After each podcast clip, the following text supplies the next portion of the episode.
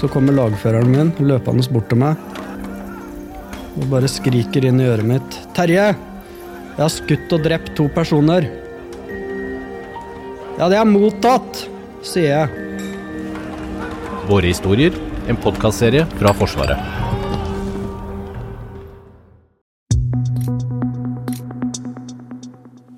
Artilleri er det våpenet som tar desidert flest liv i krigen i Ukraina. Både på russisk og ukrainsk side. Og Norge har jo sendt denne type våpen og ammunisjon for å hjelpe ukrainerne.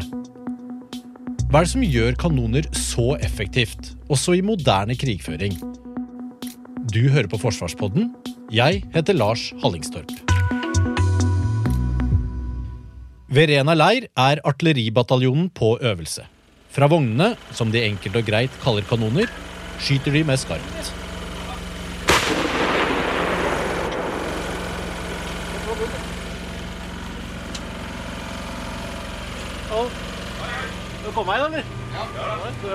Velkommen til dekkmerke 4 i batteri P. Jeg heter Ole Petter, og jeg er eh, kanonkommandør. Hva er det dere holder på med her i dag? Vi skyter krumbane. Vi driver med noe testskyting av noe eldre brannrør. Nå er vi eh, litt nord for eh, Rena sentrum, ute i øvingsområdet vårt. Ehm, Det er her vi typisk skyter mye krumbane ifra, da. Rundt om i området her. Hva er krumbane? Krumbane er når eh, prosjektilet går eh, opp i eh, atmosfæren for å så dette ned igjen. Dette bruker vi jo for å skyte lengre. kontra f.eks. stridsvogner ja, som skyter flatbane rett fram. Forskjellen er jo at flatbane de ser jo måla de skyter på. Vi ser ikke måla vi skyter på. Det er noen andre, som, andre sensorer vi benytter oss av, som ser måla vi skyter på. Hvor langt er dere kan skyte? Eller hvor langt skal dere skyte nå? Vi kan skyte opp til 40 km med den ammunisjonen vi har i dag. Eh, I dag så ligger vi nok på rundt 7, 7 kanskje 6 km. Ja, kan du beskrive hva som er forskjell på en granat og en, eh, en, det man tenker på som er en sånn patron med kule i? Litt usikker på akkurat definisjonen, men eh, en granat er jo vesentlig mye større og kraftigere. Vi starter jo nede på håndgranat, som er den runde, runde ballen på rundt en eh, kilo. Her har vi granater på 44 kilo pluss, og består da en stor sprengladning. Her så setter vi fart på en granat for å få granaten frem til der vi ønsker, for at den så skal detonere i det målområdet vi ønsker. Hvor mange, hvor mange er dere om bord på en sånt uh, artillerikjøretøy som det her? Vi er eh, fem eh, personer. Én vognfører, én retter, én skytter og en lader. Og siste er jo da en eh, kanonkommandør, også kjent som eh, vognkommandør, som da styrer eh, vogna og sikkerheten under skytingen. Du sitter nå foran der. Hva er, det, hva er din funksjon? Eh, Jeg heter Ida, jeg er retter på kanon. En eh, retter eh, altså retter inn eh, våpenet mot målet, dit vi skal skyte. Eh, Samtidig som jeg er en slags assistent for eh, kanonkommandøren, og jeg har oversikt over all sikkerhet på vogna, så jeg veit når det er trygt å skyte. Nå har vi innskytingskanon, så vi skyter nå én granat. Kanskje vi får litt justeringer, kanskje en til. Og så når vi er på, så skyter vi tre granater.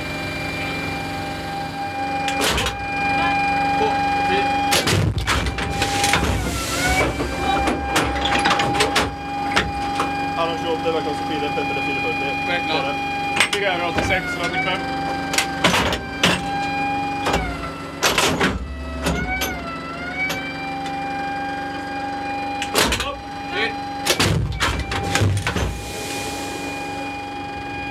Hvordan er det å være om bord på sånne, et sånn, en kanon som det her? Er, det, er dere lenge av gangen, eller hvordan er det?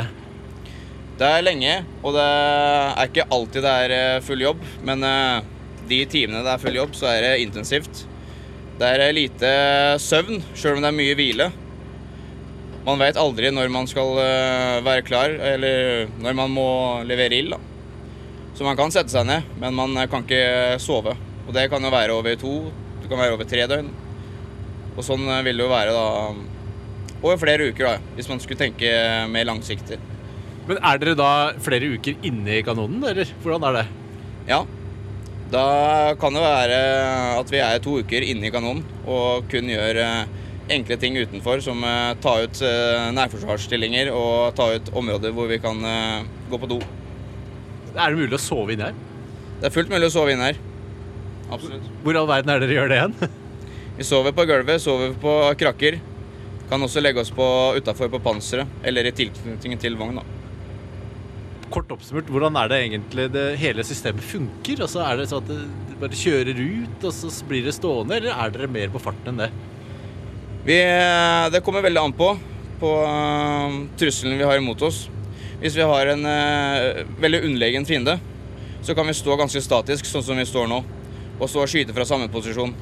Vi må også følge etter manøveren i front. Vi har jo rekkevidde på 40 km, men ikke all ammunisjon har den rekkevidden. Så ammunisjon er jo eh, med på å avgjøre det. Så vi må først og fremst være innafor den målbobla vi skal treffe, eller de målboble- målboblene vi skal bekjempe. Hvis eh, vi møter en fiende som er eh, tilsvarende oss, så har de kapasiteter til å lokalisere hvor vi er. Og derav må vi holde oss mobile. Og da blir det aldri statisk. Da må vi kun stoppe for å skyte, og så begynne å bevege på oss med en gang. Um, Hvordan er eh, kjemien uh, om bord på en sånn vogn etter noen dager? Ja, den kan gå opp og ned. Ehm, vi er jo innelåst. Inne her, eh, som sagt, over to uker muligens. Og det kan gå en kule varmt. Så det er jo viktig at vi òg har lav takhøyde for å si ifra til hverandre når noe er gærent. Vi må jo klare å leve sammen og samarbeide. Vi får se det beste og det verste av hver enkelt. Artilleriet har jo fått mye fokus eh, etter krigen i Ukraina. Har du gjort, eh, har du gjort noen tanker rundt det? Det beviser jo bare nok en gang hvor viktig artilleri er. Ehm, Fra gammelt av så sier de at artilleri slår ut 80 av eh, personellet i en krig. Eh, Og det har vi jo fått bevist nå òg med krigen som skjer eh, i Europa. Hvor viktig eh, artilleri er. da. Kjartan Søyland, du er fagsjef artilleri og luftvern ved Hærens våpenskole. Hvorfor er noe som vi tenker på som et så gammeldags våpen som artilleri, relevant i moderne krigføring? Eh, Fordi eh, artilleriet eh, kan levere eh, granater og effekt på lang avstand, uavhengig vær og vind. Som gjør at f.eks. man kan tenke seg at eh, fly kan ofte brukes for å levere den samme effekten, men de kan være påvirka av vind som gjør at det, og vær som ikke de kan komme inn. Mens artilleriet er alltid til stede. Det er det ene aspektet ved det. Og det andre er det at vi ser nå også i Ukraina at man bruker skyttergraver og beskytter seg mot det. Eh, men man har jo ikke nødvendigvis så sterk eh, beskyttelse i, fra ting som kommer ovenifra. Og en artillerigranat, og på samme måte som en bombekastergranat, kommer jo da nødvendigvis fra ovenifra og treffer da et mål eh, på ovenifra. Som gjør at effekten blir mer eh, større enn ved våpen som skyter rett fram. I Ukraina så har jo artilleri eh, fått nærmest en slags renessanse. Eh, hva er det som gjør at det fungerer så veldig bra der? Eh, Det er eh, flere ting som, som spiller inn, men det ene altså for, for at et artilleri skal virke og, og treffe, så er det mange faktorer som spiller inn. Eh, Nå må jeg nødt til å bli litt teknisk, men jeg skal prøve å forklare det enkelt. Så Når et artilleri skyter f.eks. på en skyteavstand på 40 km, så må kanonen vite nøyaktig hvor den står hen. Eh, Og det samme er jo hvor målet er, må man vite nøyaktig hvor det er. Og så på en skyteavstand på 40 km eksempel, så vil granaten gå så høyt som 55 000 fot. Og det vil si at når du sitter på et vanlig passasjerfly og flyr fra Oslo til eh, Bardufoss eller Tromsø, så er flyet er høyden 28 000 fot. Og det sier jo at da når granaten går så høyt, så er det vær og vind, eh, luftfuktighet, alt mulig sånn påvirker granaten. Jordkrumming, jordrotasjon, alle sånne ting er et regneprogram som tar hensyn til. Så det er, det er mye som gjør at eh, som skal til for at man treffer. Og der har selvfølgelig teknologien gått fort og langt i forhold til det ev- evne til å ta ut eh, måldata. eh, bruk av bakkeradarer, UAV osv. som hjelper til med å, ta ut nøyaktig måldata. Og så har eh, man fått moderne eh, regneprogrammer som tar utgangspunkt i, i alle disse dataene og setter det sammen. Og hjelper til altså kanonen kan rettes inn eh, på en god måte. Mange har jo sett på skiskyting på TV og hører Ola Lunde snakke om at nå er det litt sidevind, man må kneppe ett til to på sikte. Og det er sånne ting man også må ta hensyn i når vi beregner skyteavstanden og dataene for artilleriet. Så, så det, er, eh, det, er, det er ganske krevende å få en granat til å lande akkurat der du vil at den skal lande. Eh, og jeg har selv vært med å slippe værballonger for å måle vindretning og, og så videre, og sett den ballongen gå i sikksakk oppover. Så selv om det på bakken vinden kom fra ett nivå, så tu- 1000 meter opp, så kan vinden komme fra en helt annen retning. Og dette påvirker den granaten gjennom eh, lufta. I tillegg til da jordbue Ja. og jord... Altså selve farta jorda snurrer i, altså jordrotasjonen, er også med på det her. Ja, det er det. Eh, fordi du kan Hvis man som enkeltperson kunne hoppet opp og vært i lufta i, i tre minutter, så ville du ikke lande på samme punktet. For jordkloden beveger seg. Og det er jo flyvetiden på en granat. Så det må man ta hensyn til. Temperatur på krutt må måles. Eh, temperatur på granat. Eh, og en granat er ikke en granat. Det varierer fra produsent til produsent osv. Så, videre. så det, det er veldig mange faktorer som skal være med på å gjøre at du treffer nøyaktig. Ja, for hva er forskjell på eh, det vestlige artilleriet og det som eh, russerne har? Altså I utgangspunktet så er det ganske mye likt. Det, det går jo egentlig mer på måten det benyttes. Eh, og russeren eh, og tidligere Sovjetunionen hadde jo mer tradisjon for å, å bruke det som ble kalt for en artillerivalse. Altså de beskjøt store områder, pøste på med, med ammunisjon og egentlig bare la alt som var innenfor det området, flatt. Eh, mens eh, ukrainerne nå eh, bruker mm, er nøye med måldata, eh, har god, fått tilført UAV-er og annen type hjelp som gjør at de kan ta ut nøyaktig måldata, og beregner eh, og bruker da artilleriet mer presist enn det, enn det tilsynelatende russerne gjør. da. Så for russerne er det mer mengde enn en presisjon. Ja, det er mer mengde enn en presisjon. eh, Det er helt klart. Det er i hvert fall sånn det kan forstås. Hvem har å vinne på det, da?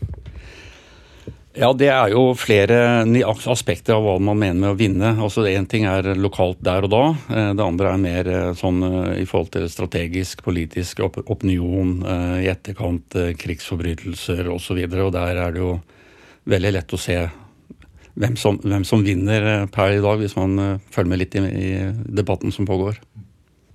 Når du da står så langt unna som du da gjør med en, en kanon, da. Hvordan i all verden finner man det målet eller den fienden man ønsker å beskytte? Ja, og Der er det jo det som er egentlig det spennende og interessante. fordi eh, andre våpensystemer der er det den som betjener våpenet, som ser hva man sikter på og kan justere, og så trekke av, og så, så treffer man eller bommer, og så kan man justere etter det.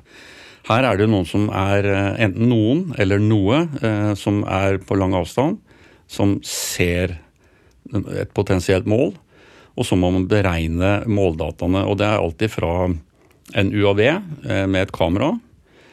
Eh, og så må man jo eh, sammenligne Det er metode for å gjøre det, men også sammenligne med et kart for å finne ut akkurat nøyaktig hvor er dette her. Eller så kan det være tekniske sensorer. Man kan bruke elektronisk krigføring, lytte, krysspeiling.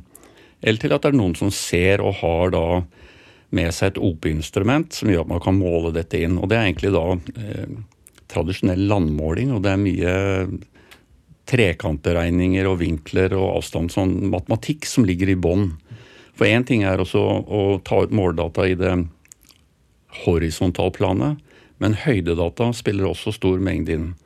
Eh, Så hvis man bommer på Man kan treffe nøyaktig det horisontale planet på å bestemme posisjon på et mål, men hvis man bommer med 20 meter feil i høyde, så har det mye å si på om, om, om granaten går for langt eller kort, faktisk.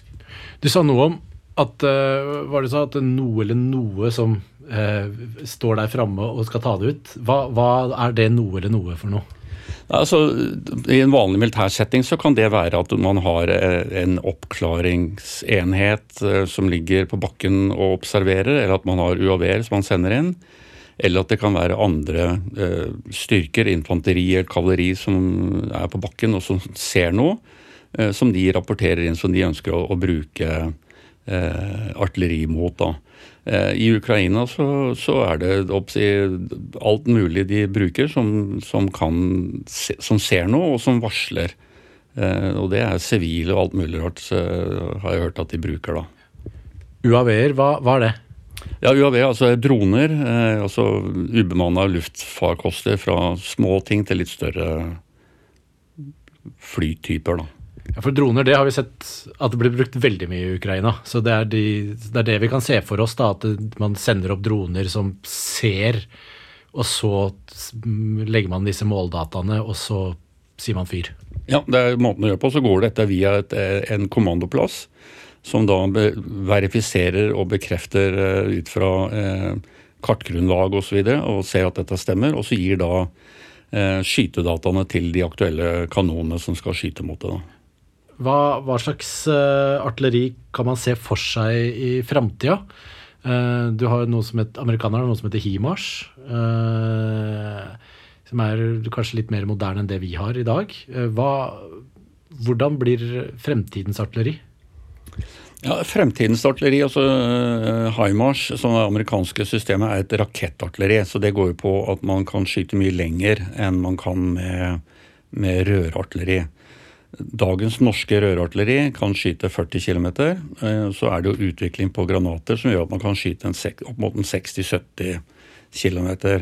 Eh, og så jobber jo industrien med, bl.a. Nammo i Norge, å utvikle noe som kan kanskje gå opp mot 150 km med, med rørartilleri.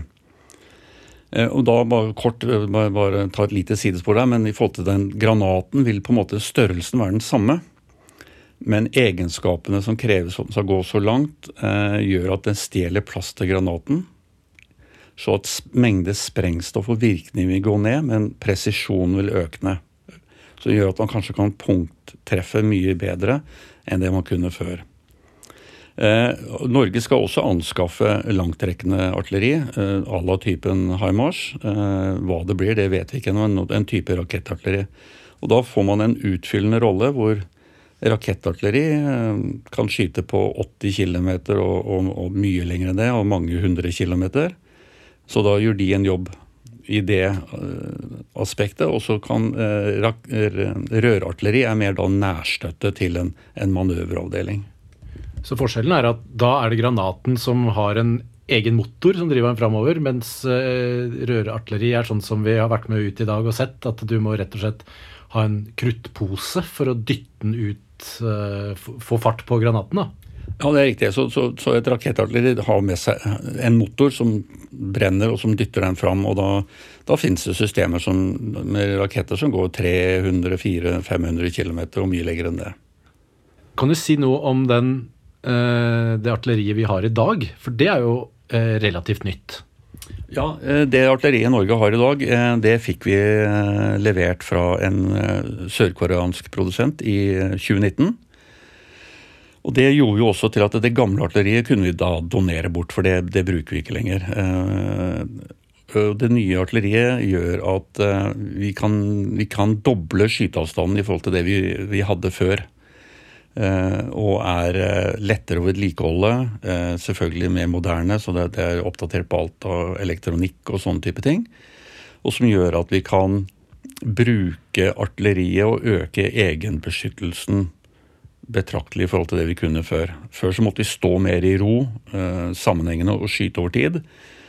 Og når vi da hadde kortere rekkevidde, så var vi da innenfor rekkevidden til en eventuelt motstanders artilleri, men nå kan vi bevege oss utenfor.